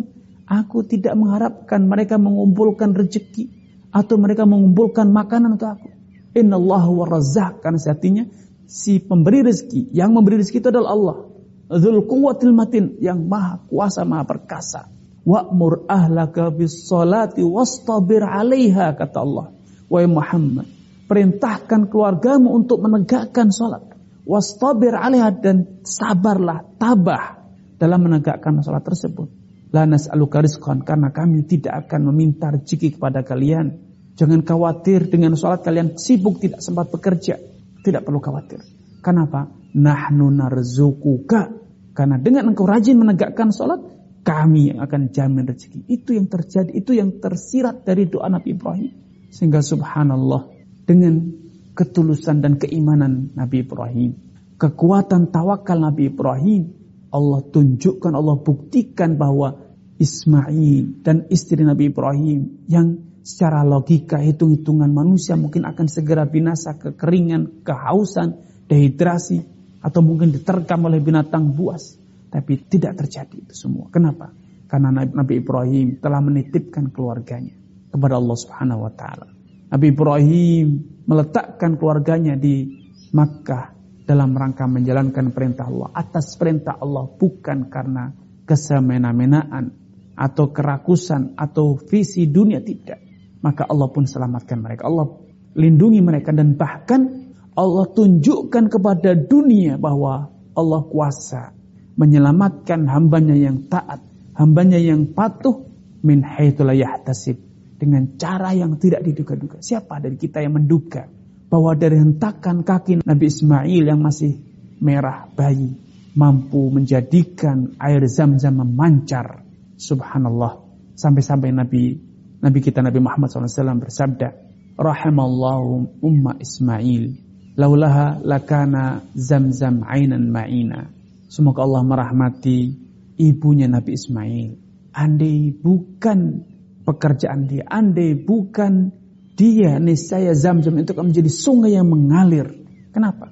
Pertama kali zam-zam memancar dari kaki Nabi Ismail, Hajar berkata zoom zoom berkumpullah air janganlah mengalir berkumpullah air di sini jangan pergi jangan mengalir zoom zoom berkumpullah berkumpullah maka zam-zam itu sebesar apa pun sumbernya, sederas apa pun airnya keluar dari sumber, dia tidak bisa mengalir, tidak bisa tumpah dan kemudian menyebabkan banjir. Subhanallah. Allah beri rezeki, Allah beri pertolongan dari jalan yang tidak diduga-duga. Itu sebagai implementasi bahwa mayyattaqillah, siapa pun yang bertakwa kepada Allah, ya ja'alahu makhraja, Allah pasti beri jalan keluar untuk problematikanya. Wa yarzuqhu min haitsu la yahtasib. Dan Allah beri dia rezeki dari jalur yang dia tidak duga-duga. Siapa yang menduga bahwa Ismail mampu menggetarkan bumi dan akhirnya menjadikan bumi mengeluarkan air, memancarkan air. Siapa yang menduga bahwa Hajar dan Ismail mampu bertahan hidup di lembah yang gersang semacam itu. Subhanallah. Dan mengapa Nabi Ibrahim tega melakukan semua itu? Itu untuk menjadi pelajaran bagi kita bahwa dengan tawakal, kalau kita menjalankan perintah, Seburuk apa pun kondisinya, segenting apa pun suasananya, Allah tidak akan pernah membiarkan. Allah tidak akan pernah mencelakakan, membiarkan hambanya celaka. Seperti yang diikrarkan oleh Hajar. Idan la Allah. Ini yang bisa kami sampaikan pada kesempatan ini. Kurang dan lebihnya saya mohon maaf. Dan sebagai penutup, subhanakallah bihamdika. Asyhadu an la ilaha illa anta Sampai jumpa di kesempatan. Wassalamualaikum warahmatullahi wabarakatuh. Assalamualaikum warahmatullahi wabarakatuh. Innal hamdalillah nahmaduhu wa nasta'inuhu wa nastaghfiruh wa na'udzu billahi min shururi anfusina wa sayyiati a'malina. May yahdihillahu fala mudilla lahu wa may yudlil fala hadiyalah. Asyhadu an la ilaha illallah wahdahu la syarikalah wa asyhadu anna Muhammadan abduhu wa rasuluhu amma ba'd. Kita membangun rumah tangga bukan untuk menumpuk harta, membangun istana, merintis kejayaan, bukan. Tetapi seperti yang digambarkan oleh Rasulullah SAW, Ni'mar rajul alladhi qama minal lail fasalama kutibalah thumma Allah. Sebaik-baik suami adalah suami yang bangun malam. Kemudian apa? Dia sholat semampunya. Setelah dia sholat semampunya, dia bangunkan istrinya agar turut sholat di tengah malam. Nikmatil mar'ah, sebaik-baik istri adalah wanita yang qamat minal lail, bangun di tengah malam. Fasalat makutib ala. Kemudian dia sholat semampunya. Setelah dia sholat, dia bangunkan suaminya. Fa'in aba, kalau suaminya tidak mau bangun, dipercikan air di wajahnya. Dirangsang agar dia bangun. Agar dia ikut turut bermunajah, bersimpuh di hadapan Allah di tengah gelapnya malam. Di kesunyian malam. Ya itulah rumah tangga yang sholat. Itulah rumah tangga yang ideal rumah tangga yang sukses, bukan rumah tangga yang mampu membangun istana, bisa menjadikan, mengantarkan anak keturunannya sebagai raja, menjadi seorang ilmuwan, profesor, pesohor, tidak. Tetapi rumah tangga yang sukses adalah rumah tangga yang mampu mengantarkan anggotanya, suaminya, istrinya, anak keturunannya untuk bisa mengikrarkan dan selalu sadar Rabbun Allah, Rabb kita adalah Allah. Kemudian mereka istiqamah dengan ikrar tersebut hingga akhir ajal. Itu adalah tujuan hidup. Itulah tujuan rumah tangga. Rumah tangga dibangun agar di tengah rumah tangga ini senantiasa dilantunkan ayat-ayat Allah. Agar di dalam rumah tangga ini senantiasa ditunaikan sholat-sholat sunnah di dalam rumah tangga itu. Agar di dalam rumah tangga ini senantiasa terlahir anak keturunan yang lisannya itu selalu basah dengan zikir kepada Allah. Suatu hari datang seorang lelaki kepada Nabi Shallallahu Alaihi Wasallam yang dia berpikir realistis. Inna syara'i al-islami qad kathurat alayya. Ya Rasulullah, sejatinya syariat Islam ini sudah terlalu banyak. Aku tidak bisa menjalankan semuanya. Dullani ala khairin. Ya Rasulullah, ajarkan aku satu kebaikan saja. Atasyabbatu bih. Yang dengan satu kebaikan ini, aku bisa berpegangan, bisa menjadikannya sebagai modal obor dalam hidupku. Maka Nabi mengajarkan kepadanya, la yazalu lisanuka rotban bidzikrillah. Ya, aku ajarkan satu hal. Mudah, ringan, tidak butuh biaya, tidak butuh waktu yang spesial, tempat yang spesial. Sederhana sekali. Yaitu lisanmu senantiasa engkau basahi dengan apa? Dengan zikir kepada Allah subhanallah. Betapa indahnya. Rumah tangga yang di dalamnya suami senantiasa mengatakan astagfirullah. Subhanallah. La haula wa la quwata illa billah. La ilaha illallah. Betapa indahnya rumah tangga yang istrinya senantiasa melantunkan ayat Al-Quran. Betapa bahagianya, harmonisnya rumah tangga yang anaknya senantiasa bersenandung bukan dengan lagu-lagu, tetapi dengan istighfar, dengan Al-Quran. Karena rumah tangga yang sepanjang itu, rumah tangga yang senantiasa bergemuruh suara zikir kepada Allah. Bergemuruh suara ayat Al-Quran setan akan menjauh. Inna syaitan yanfiru minal bait alladhi tuqra fi suratul Baqarah. Setan setan itu senantiasa jauh dari rumah yang di dalamnya selalu dibacakan surat Al-Baqarah. Semoga Allah SWT menjadikan rumah tangga kita, keluarga kita, rumah kita, rumah yang senantiasa bergemuruh dengan zikir kepada Allah. Lisan kita senantiasa dihiasi dengan zikir kepada Allah Subhanahu wa taala. Wassalamualaikum warahmatullahi wabarakatuh. Assalamualaikum warahmatullahi wabarakatuh. Alhamdulillah. Wassalatu wassalamu ala rasulillah wa ala alihi wa ashabihi wa man ulama ba'du. Kaum muslimin, anggota grup dirasat Islamiyah yang semoga senantiasa dirahmati Allah subhanahu wa ta'ala. Kembali saya hadir ke tengah ruang Anda untuk bersama-sama menata kembali rumah tangga kita agar rumah tangga kita betul-betul menjadi baiti jannati. Rumahku adalah surgaku sebelum Anda menikah atau kalaupun Anda telah menikah. Tidak ada salahnya untuk Anda duduk sesaat termenung, bertanya kembali, untuk apa kita menikah? Jangan-jangan kita itu menikah hanya karena tuntutan tren, hanya karena merasa sudah tua, hanya karena merasa menuruti hawa nafsu saja. Atau mungkin karena didesak-desak oleh orang tua. Agar kita segera menikah dan menghadirkan cucu untuk orang tua kita. Rasulullah Shallallahu Alaihi Wasallam bersabda, "Talatun hakun Allah aunuhum." Ada tiga golongan manusia yang pasti Allah akan menolong mereka. Satu dari ketiga golongan tersebut adalah an-nakihu yuridul afaf. Orang yang menikah karena dia merasa sadar terancam bahwa dia dalam bahaya, bisa jadi terjumus dalam dosa maksiat atau perzinaan. Agar dia selamat dari perzinaan, punya benteng yang membentengi dia dari perbuatan nista, maka dia menikah. Karena niat dia adalah luhur. Allah berjanji, Allah pasti tolong mereka. Seperti apa pertolongan Allah? Mungkin Anda akan bertanya, seperti apa wujud konkretnya Allah itu akan menolong saya? Allah gambarkan dalam Al-Quran, Iyakunu fuqara yughnihumullahu min fadlih. Kalau mereka anak-anak muda yang menikah itu di saat mereka menikah yakunu fuqara, mereka dalam kondisi miskin, dalam kondisi kekurangan, yughnihumullahu min fadlih. Allah akan berikan kecukupan mereka dari kemurahannya. Allah akan mudahkan, Allah akan bukakan pintu kecukupan untuk mereka. Dan secara de facto bukti telah banyak. Orang-orang yang semula ketika mereka bujang alih-alih mereka mendapatkan kecukupan. Mereka selalu merasa kekurangan.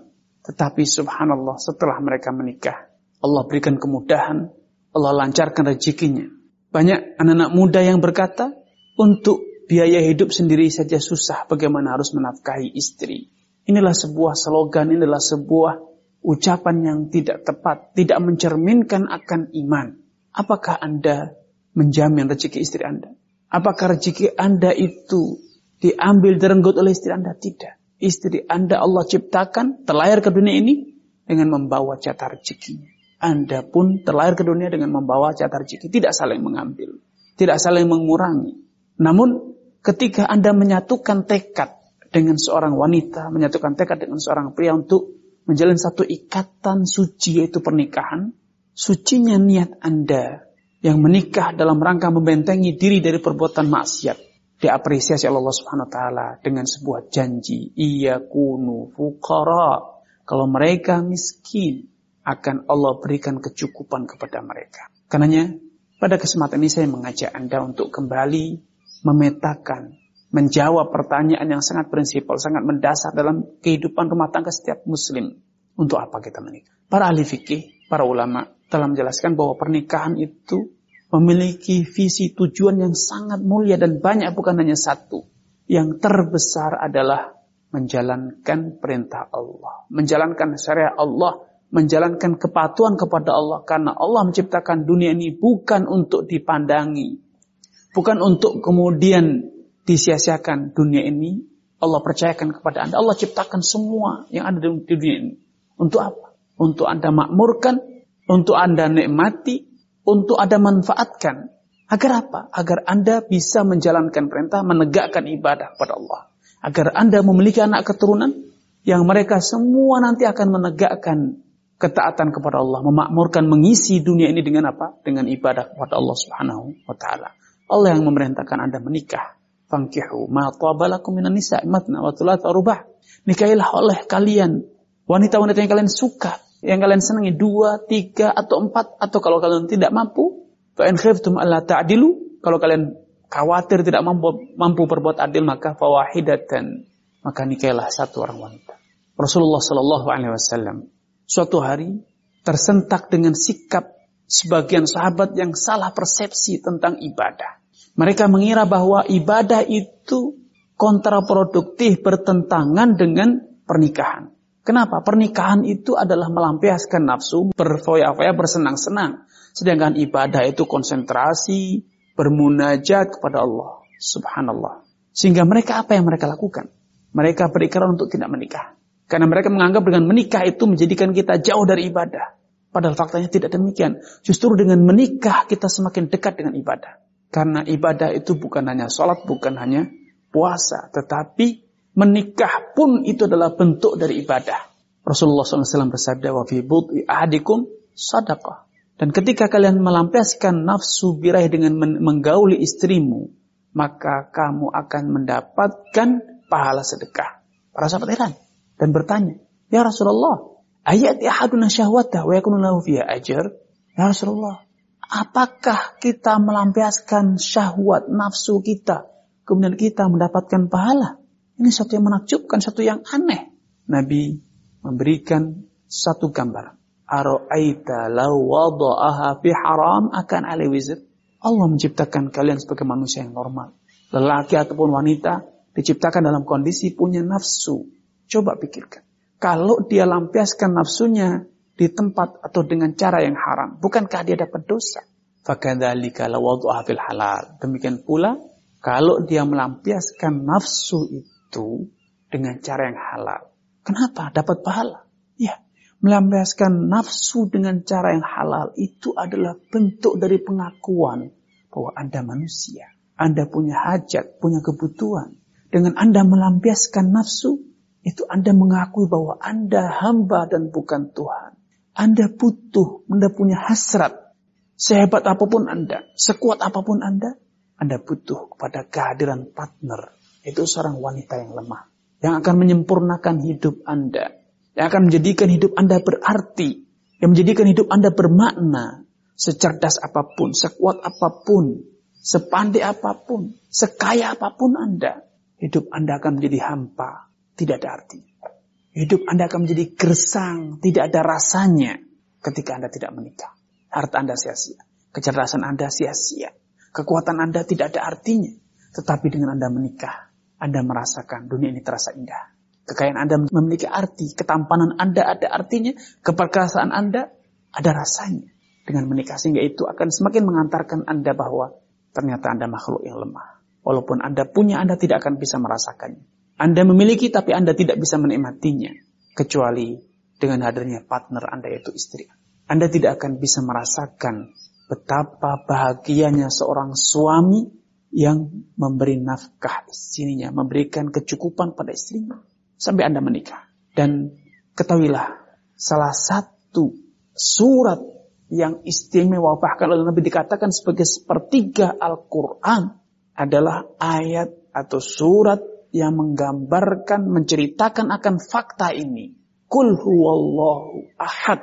Katakan Muhammad bahwa Allah itu Maha Esa. Lam yalid, walam yulad. Allah tidak pernah beranak dan Allah tidak pernah diperanakkan. Anda menikah agar Anda bisa menyadari fakta ini. Siapa pun Anda, Anda adalah anak manusia lain, anak wanita lain, anak lelaki lain. Dan siapa pun Anda, Anda memiliki anak dan butuh kepada kehadiran anak. Dulu Anda butuh kepada orang tua Anda. Tanpa mereka, Anda binasa. Tidak mungkin hadir ke dunia ini. Sehingga jangan pernah mengaku sebagai Tuhan karena pada suatu saat Anda tidak pernah ada di dunia ini. Anda pada suatu periode, lam yakun syai'an madhkura, tidak pernah tersebut, tidak pernah ada. Dan setelah Anda, jangan sombong, jangan lupa bahwa Anda kemarin tidak ada. Hadir karena hubungan lelaki dan wanita. Dan kemudian setelah Anda dewasa, menginjak umur secara alami, secara natural, jiwa Anda bersuara, jiwa Anda menjerit, untuk apa? Butuh kepada kehadiran seorang anak. Untuk menjadikan Anda merasa sebagai manusia yang sempurna. Lelaki yang sempurna, wanita yang sempurna. Apalah artinya laki-laki ketika dia tidak bisa melahirkan seorang anak. Apalah arti seorang wanita ketika dia tidak bisa hamil dan menghadirkan seorang anak. Semua orang menyadari itu. Sehingga dengan lahirnya anak, dengan proses pernikahan, Anda betul-betul akhirnya sampai pada satu titik bahwa Anda bukan Tuhan. Tetapi Anda adalah hamba Allah. Sehingga ketika Anda mengingat orang tua Anda, Anda akan teringat saya terlahir dari lelaki dan wanita. Berarti saya bukan Tuhan. Dan saatnya nanti Anda melahirkan seorang anak. Berarti Anda bukan Tuhan. Karena Tuhan itu lam yalid walam yulad. Sebagaimana Anda dalam rumah tangga. Anda bisa jadi bukan satu-satunya anak. Tetapi Anda punya saudara. Di kampung itu Anda juga bukan satu-satunya anak. Banyak teman sejawat Anda, seumur dengan Anda, sebaya dengan Anda. Yang membuktikan bahwa Anda bukan Tuhan. Karena apa pun yang Anda bisa lakukan, bisa dilakukan oleh teman-teman Anda. Sehingga pernikahan ini, manfaat terbesarnya adalah membuktikan, mengantarkan Anda untuk mengakui bahwa Anda hamba bukanlah Tuhan. Fir'aun, laknatullah alaih. Lupa akan hal ini. Keberhasilan, kekayaan, kekuasaan dia menjadikan dia lupa daratan. Sehingga dia mengatakan, Ana rabbukumul a'la. Aku telah Tuhan kalian yang paling perkasa, paling berkuasa di sini. Tetapi, subhanallah, dia tidak bisa mendustakan. Allah buktikan kepada Fir'aun, lam yalid wa lam yulad, bahwa Tuhan itu tidak pernah diperanakkan dan juga tidak pernah beranak. Fir'aun lupa sejarah, boleh. Bisa jadi lupa sejarah bahwa dia adalah anak. Dia terlahir melalui proses perlahiran. Tetapi seperkasa apa pun, sedikdaya apa pun seorang, dia tidak bisa melawan hati nuraninya bahwa dia rindu untuk bisa menimang seorang anak. Dia seorang manusia biasa, seperti apa pun sombongnya, hati nuraninya akan berkata, kehadiran seorang anak yang dia cium, yang dia timang, yang dia goda, itu adalah salah satu kunci kebahagiaan hidup dia di dunia. Maka Allah jadikan Firaun mandul. Faraon tidak punya anak keturunan. Sehingga akhirnya dia tergoda untuk mengangkat anak. Maka dia ambil Nabi Musa alaihissalam yang oleh orang tuanya telah diletakkan dalam sebuah peti dan kemudian dihanyutkan ke sungai Nil. Kemudian diambil oleh Firaun secara sembunyi-sembunyi. Dia mengira tidak ada yang mengetahui. Dia rawat. Dia ingin melampiaskan sebagian dari nalurinya sebagai manusia biasa. Menimang anak. Subhanallah. Sehingga kehadiran pernikahan itu salah satu manfaatnya adalah untuk membuktikan bahwa Anda manusia, bukan Tuhan.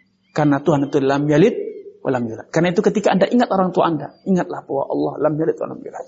Ketika Anda ingat kepada anak Anda, katakan bahwa Allah itu tidak pernah dan tidak melahirkan. Ketika Anda rindu kepada istri Anda, naluri sebagai seorang laki-laki atau naluri sebagai seorang wanita ingin disayangi, ingin dilindungi, Anda rindu kepada pasangan Anda, maka itu adalah satu petir yang menyambar nalar Anda agar Anda sadar bahwa Anda bukanlah Tuhan. Yang namanya Tuhan itu walam yakullahu kufuwan ahad. Allah tidak punya partner. Allah tidak punya pesaing. Allah tidak punya pasangan. Subhanallah. Tidak ada yang bisa menyayangi Allah subhanahu wa ta'ala. Wallahu ta'ala a'lam. Wassalamualaikum warahmatullahi wabarakatuh. Assalamualaikum warahmatullahi wabarakatuh. Alhamdulillah wassalatu wassalamu ala Rasulillah wa ala alihi wa ashabihi wa man ulama ba'du. Kaum muslimin, anggota grup Dirasat Islamiyah yang semoga senantiasa dirahmati Allah Subhanahu wa taala. Di antara tujuan kita menikah bukan karena kita hiperseks, gila, haus, nafsu, tidak. Selain ibadah, selain betul dalam pernikahan itu ada melampiaskan nafsu, tetapi ingat dalam pernikahan konsep tolong menolong itu nyata. Suami menolong, melindungi, melayani, membimbing, menyantuni. Istri pun demikian, melayani, membantu, mendukung, mengabdi, ya. kemudian berbakti kepada suami, subhanallah. Sehingga terciptalah tolong menolong yang luar biasa, kesetiaan yang luar biasa. Karena Allah telah ciptakan manusia sebagai makhluk yang sosial tidak bisa memenuhi kebutuhannya sendiri. Pasti butuh kepada kehadiran orang lain. Siapa pun kita. Sehingga suami harus berpikir bahwa dia menjadi suami bukan untuk mengeksploitasi. Tapi dia melayani, menyantuni, melindungi, membimbing. Maka itu dalam Al-Quran Allah katakan, Ar-rijalu qawamun. Lelaki, suami itu pemimpin yang bertugas qawam, meluruskan, membimbing istrinya. Kemudian dalam Al-Quran Allah juga katakan, walahunna mithlu alladhi alaihinna bil ma'ruf walirrijali alaihinna darajah. Kaum wanita itu punya hak yang harus engkau tunikan wahai kaum lelaki, wahai kaum suami. Yang hak wanita itu setimpal dengan kewajiban yang mereka harus jalankan sehingga dalam rumah tangga bukan hanya eksploitasi tapi yang lebih dilakukan adalah melayani. Karena itu jangan sampai menjadi suami yang hobi menginventaris hak tetapi jadilah suami yang rajin menginventaris kewajiban kewajiban diri Anda kepada istri. Kalau Anda sebagai seorang wanita, kewajiban sebagai seorang istri. Apa yang harus dilakukan untuk suami? Sehingga terjadi kesetiaan yang berimbal balik. Karena semangat menikah bukan eksploitasi. Menikah itu adalah melayani. Menikah itu adalah melindungi. Menikah itu adalah untuk memberi, bukan mengemis. Kita menikah bukan untuk mengemis cinta. Kita menikah bukan untuk mengemis pelayanan. Tetapi kita menikah untuk memberi kedermawanan, jiwa seorang mukmin telah ditanam oleh Nabi SAW dengan sabdanya al-yadul ulya khairun min sufla. Jadilah orang yang senantiasa bersemangat memberi lebih dibanding semangat menerima. Suami tidak sepatutnya menjadi suami pengemis. Suami bermental pengemis yang hanya bisa meminta, meminta, meminta kepada istrinya. Tapi tidak memiliki semangat, tidak memiliki dedikasi untuk memberi dan melayani dan melayani. Istri pun demikian. Tidak sepatutnya istri itu hanya mengeksploitasi suami. Apa yang saya dapat? Apalagi yang saya harus saya minta dari suami. Tetapi istri sepatutnya menjadi istri yang dermawan, yang terus melayani dan terus melayani tanpa pamrih. Kenapa? Karena di sanalah terletak surganya.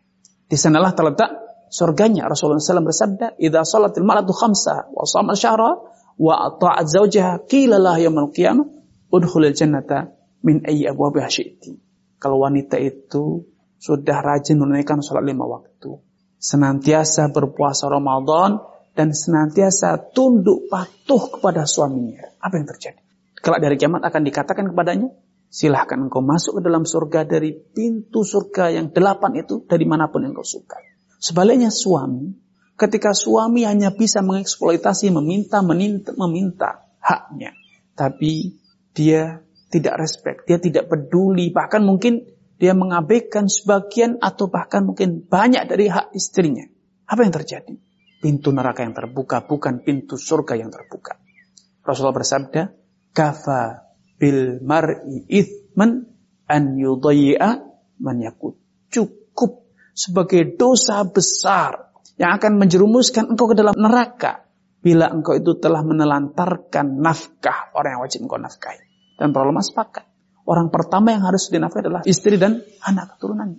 Karena itu, jangan jadi suami yang bermental pengemis. Jangan menjadi istri yang bermental sebagai pengemis.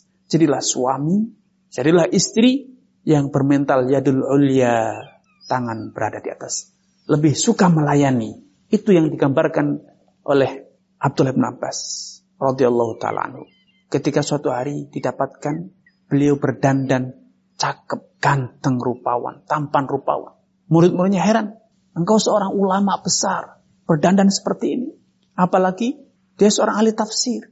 Pantaskah seorang ulama besar berdandan, perlente, sehingga tampan, maka Abdullah bin Abbas memberikan suatu alasan yang sangat menakjubkan. Inni uhibbu an atazayyana limra'ati kama uhibbu an tatazayyana li. Aku berdandan, aku senang berdandan karena aku pun senang bila istriku berdandan. Jadi aku berdandan bukan agar engkau puji tapi agar istriku senang. Sebagaimana kalau istriku berdandan tampak cantik jelita, aku pun senang. Muhammad ibnu Ali ibnu Hussein ibnu Ali ibn Abi Talib atau yang dikenal dengan Muhammad Al-Hanafiyah. Suatu hari menemui tamu, menemui murid-muridnya dengan menggunakan kain syal yang berwarna merah. Kemudian janggutnya atau jenggotnya meneteskan misik sehingga sangat harum sekali beliau menemui tamu. Murid-murid beliau segera bertanya, "Mah, subhanallah, engkau mengenakan minyak wangi yang sedemikian harum. Ada acara apa? Mau ke mana? Ada momentum apa? Sehingga minyak wangi yang kau kenakan begitu semerbak dan engkau penampilannya luar biasa, kelihatan tampan rupawan. Apa katanya? Ini sal yang melekat di punggung ini adalah al-qadru alayya mraati. Itu baru saja dipakaikan oleh istriku ketika aku hendak keluar. Istriku yang mendandan.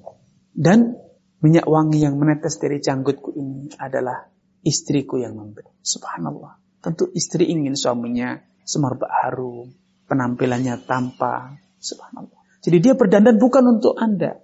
Jangan kira bahwa saya berdandan itu karena Anda. Tapi ini berdandan adalah untuk menuruti hasrat istri. Memuaskan kemauan istri. Subhanallah. Itulah rumah tangga yang harmonis. Subhanallah. Sekali lagi, jangan menjadi suami yang bermental pengemis. Istri yang bermental pengemis. Tapi jadilah suami yang bermental dermawan. Menyantuni, melindungi, melayani. Sebagaimana jadilah istri yang dermawan. Istri yang senantiasa berorientasi melayani suami, memuaskan suami, bukan hanya bertanya apa yang telah saya dapat dari suami. Wallahu taala alam. Wassalamualaikum warahmatullahi wabarakatuh. Assalamualaikum warahmatullahi wabarakatuh. Alhamdulillah wassalatu wassalamu ala Rasulillah wa ala alihi wa ashabihi wa man ulama ba'du. Kaum muslimin, anggota grup Dirasat Islamiyah yang semoga senantiasa dirahmati Allah Subhanahu wa taala. Di antara tujuan kita menikah. Selain itu adalah sebuah ibadah. Pernikahan adalah mengantarkan Anda untuk mengakui tentang keesaan Allah. Sehingga seperti Allah gambarkan, wa min ayatihi an khalaqalakum min anfusikum azwajan. Di antara tanda keagungan Allah adalah Allah menciptakan dari diri kalian pasangan-pasangan kalian litaskun ilaih agar kalian mendapatkan kedamaian ketika kalian kembali kepada istri-istri kalian atau kepada pasangan kalian. Di antara tujuan kita menikah. Tujuan menikah salah satunya adalah Anda melangsungkan menjadi bagian dari tongkat estafet kepemimpinan di muka bumi ini. Allah telah menciptakan manusia sebagai khalifah. kalau rabbuka lil malaikati inni ja'ilun fil ardi khalifah. Dan ingatlah, tatkala Rabbmu berkata kepada para malaikat, Inni ja'ilun fil ardi khalifah. Aku akan menciptakan khalifah, pemimpin di muka bumi ini. Dan Allah dalam ayat lain Allah juga dengan tegas mengatakan wasta'marakum fiha. Allah menginginkan, memerintahkan kalian agar memakmurkan bumi ini. Sehingga terjadinya proses lahir melahirkan, lahir melahirkan, pernikahan kemudian terjadi proses kelahiran. Itu adalah bagian dari rencana Allah. Itu bagian dari perintah Allah agar dunia ini terus makmur dengan ibadah kepada Allah Subhanahu wa taala. Andai dunia ini tidak dimakmurkan, tidak diramaikan dengan ibadah, maka dunia ini tidak ada artinya di hadapan Allah ad-dunya mal'unun wa mal'unun man fiha kata Nabi. Dunia ini terkutuk jauh dari kasih sayang Allah, jauh dari rahmat Allah Subhanahu wa taala. Sebagaimana penghuninya semua jauh dari kasih sayang Allah. Illa dzikrallahu mawala. Kecuali segala sesuatu yang itu adalah zikir kepada Allah atau hal yang mendukung terlaksana zikir ibadah kepada Allah Subhanahu wa taala dan pernikahan itu menjadi salah satu ketentuan alam yang telah Allah tentukan agar di dunia ini terus tercipta, terlahir hamba-hamba Allah yang akan mengikrarkan beribadah kepada Allah, menegakkan zikir kepada Allah Subhanahu wa taala. Karena itu Nabi berpesan kepada umatnya, tazawwajul wadudal walud fa inni mukathirun bikumul umama yaumal qiyamah. Nikahilah oleh kalian wanita-wanita yang wadud, penyayang, walud, subur. Kenapa? Karena aku nanti di hadapan Allah akan saling membandingkan, berbanding-bandingan umat dengan para nabi. Apa fungsinya? Kenapa banyaknya umat dijadikan sebagai sebuah perbandingan, kebanggaan? Kenapa Nabi sampai mengharapkan, sangat mengharap agar umat beliau menjadi umat yang terbesar. Ya, karena beliau mendapat tugas dari Allah Subhanahu wa taala sebagai seorang rasul, sebagai seorang nabi untuk mengajak manusia mengikrarkan, melantunkan ibadah, mengikrarkan tauhid ibadah kepada Allah Subhanahu wa taala yang itu merupakan fungsi dari ciptakan manusia. Ya ud'u ila sabili rabbika bil hikmah. Serulah manusia untuk berbondong-bondong menuju jalan Allah dengan cara-cara yang bijak. Sehingga dengan pernikahan terlahirnya anak keturunan, itu berarti kita telah mensukseskan misi menjadikan dunia ini makmur dengan ibadah kepada Allah SWT. Di antara tujuan pernikahan yang ini menjadi poin terakhir yang ingin saya sampaikan pada kesempatan ini. Bahwa pernikahan itu adalah satu benteng yang kokoh. Satu bata yang harus kita susun untuk menciptakan masyarakat yang muslim dan muslimah. Kalau rumah tangga itu harmonis, maka seluruh masyarakat pun akan segera harmonis. Tapi ketika rumah tangga itu rusak, satu rumah tangga rusak, satu rumah tangga lagi rusak, maka tatanan masyarakat itu pun akan rusak semuanya. Karena itu kita harus sadar bahwa baiknya masyarakat, majunya suatu negeri, jayanya suatu negeri diawali dari rumah tangga. Bagaimana Anda mendidik anak keturunan Anda. Bagaimana Anda tolong menolong membangun generasi masa depan. Anda ketika menikah Anda bukan lagi saatnya untuk berpikir saya mencari kepuasan seksual, mencari kepuasan ini dan itu, tidak. Tetapi Anda harus berorientasi ke depan. Dari rumah tangga inilah akan terlahir pemimpin-pemimpin di masa depan. Dari keluarga ini akan terlahir orang-orang soleh yang akan memimpin dunia ini, memakmurkan dunia ini dengan ibadah kepada Allah Subhanahu wa taala. Karena itu Nabi dulu berpesan kepada kaum suami, calon-calon suami.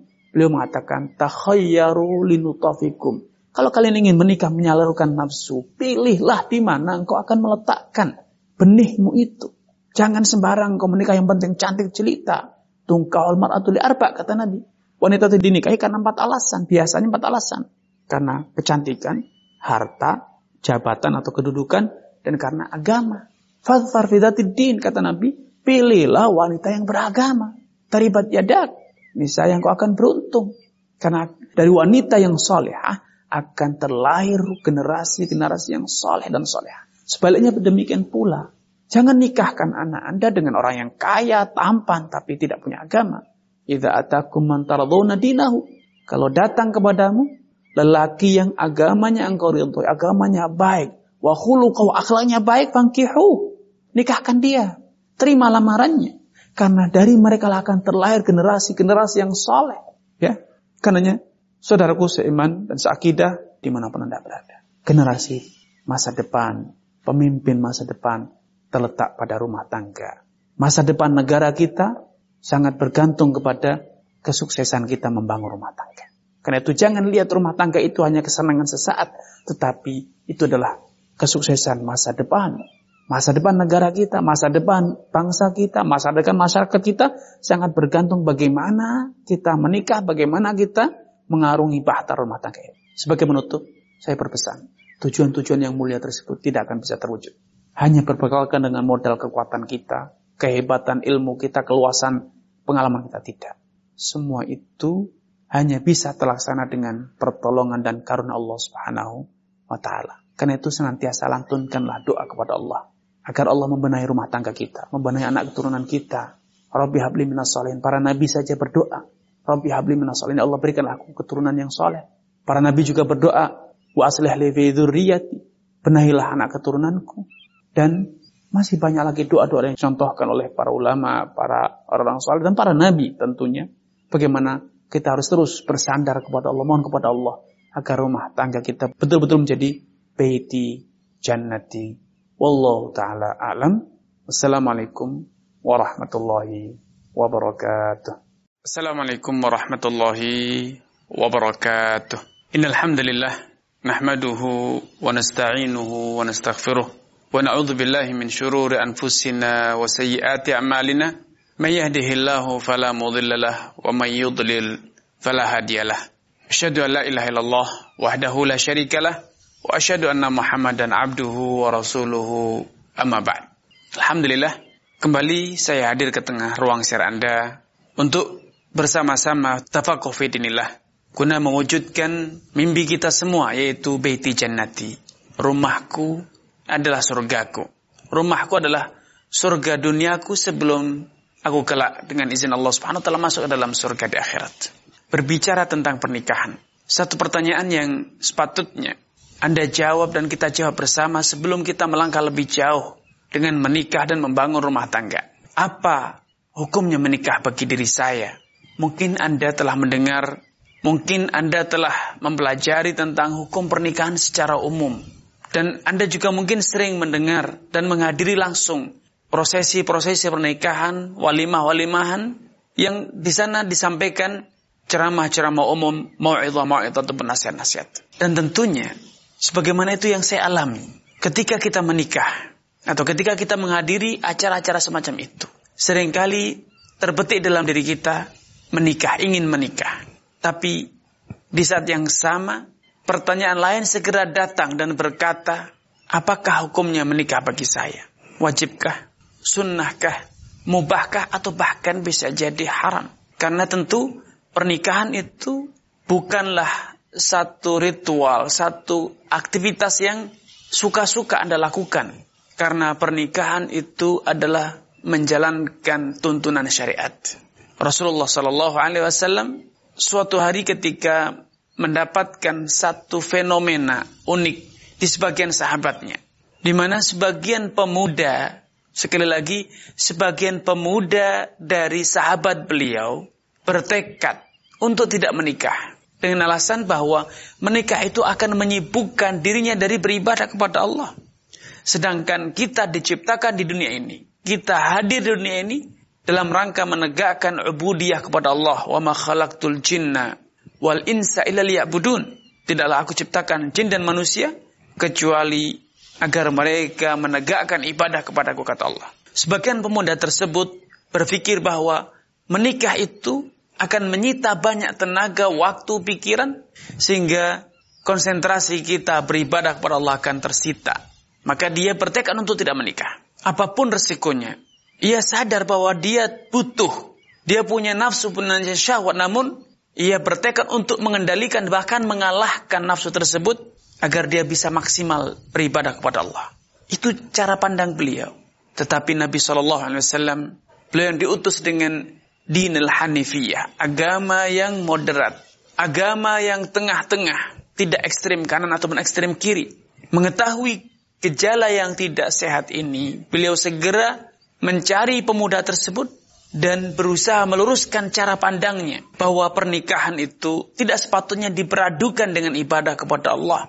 Kenapa? Karena pernikahan bagian dari perintah Allah. Pernikahan bagian dari syariat Rasulullah SAW yang bila kita lakukan dengan benar itu akan menjadi ibadah tersendiri. Bukan hanya sholat, puasa, haji atau berzikir, tetapi menikah pun menjadi ibadah. Beliau berkata kepada pemuda tersebut, "Antalladzi qulta kadza kadza?" Engkaukah yang berkata demikian-demikian? Ingin mengoptimalkan waktunya untuk beribadah puasa di siang hari dan sholat di malam hari. Pemuda tersebut pun mengakuinya. Dan kemudian Nabi SAW meluruskan cara pandang pemuda tersebut. Bahwa semangat beribadah tidak sepatutnya mengabaikan pernikahan. Karena pernikahan adalah bagian dari ibadah. Beliau mengatakan, Waladhi nafsi biyadih kata Nabi. Sungguh demi Allah yang jiwaku ada dalam genggamannya. Inilah akhsyakum lillahi wa atqakum lah. Sungguh aku adalah orang yang paling khasyah, paling takut dan paling bertakwa kepada Allah dibanding kalian semuanya. Walau demikian, kesempurnaan takwa, kesempurnaan khasyah yang aku miliki tidak menjadikan aku terhalangi dari makan dan minum, tidur dan juga dari menikahi wanita. Kemudian Nabi SAW menyatakan, "Faman an sunnati falaysa minni."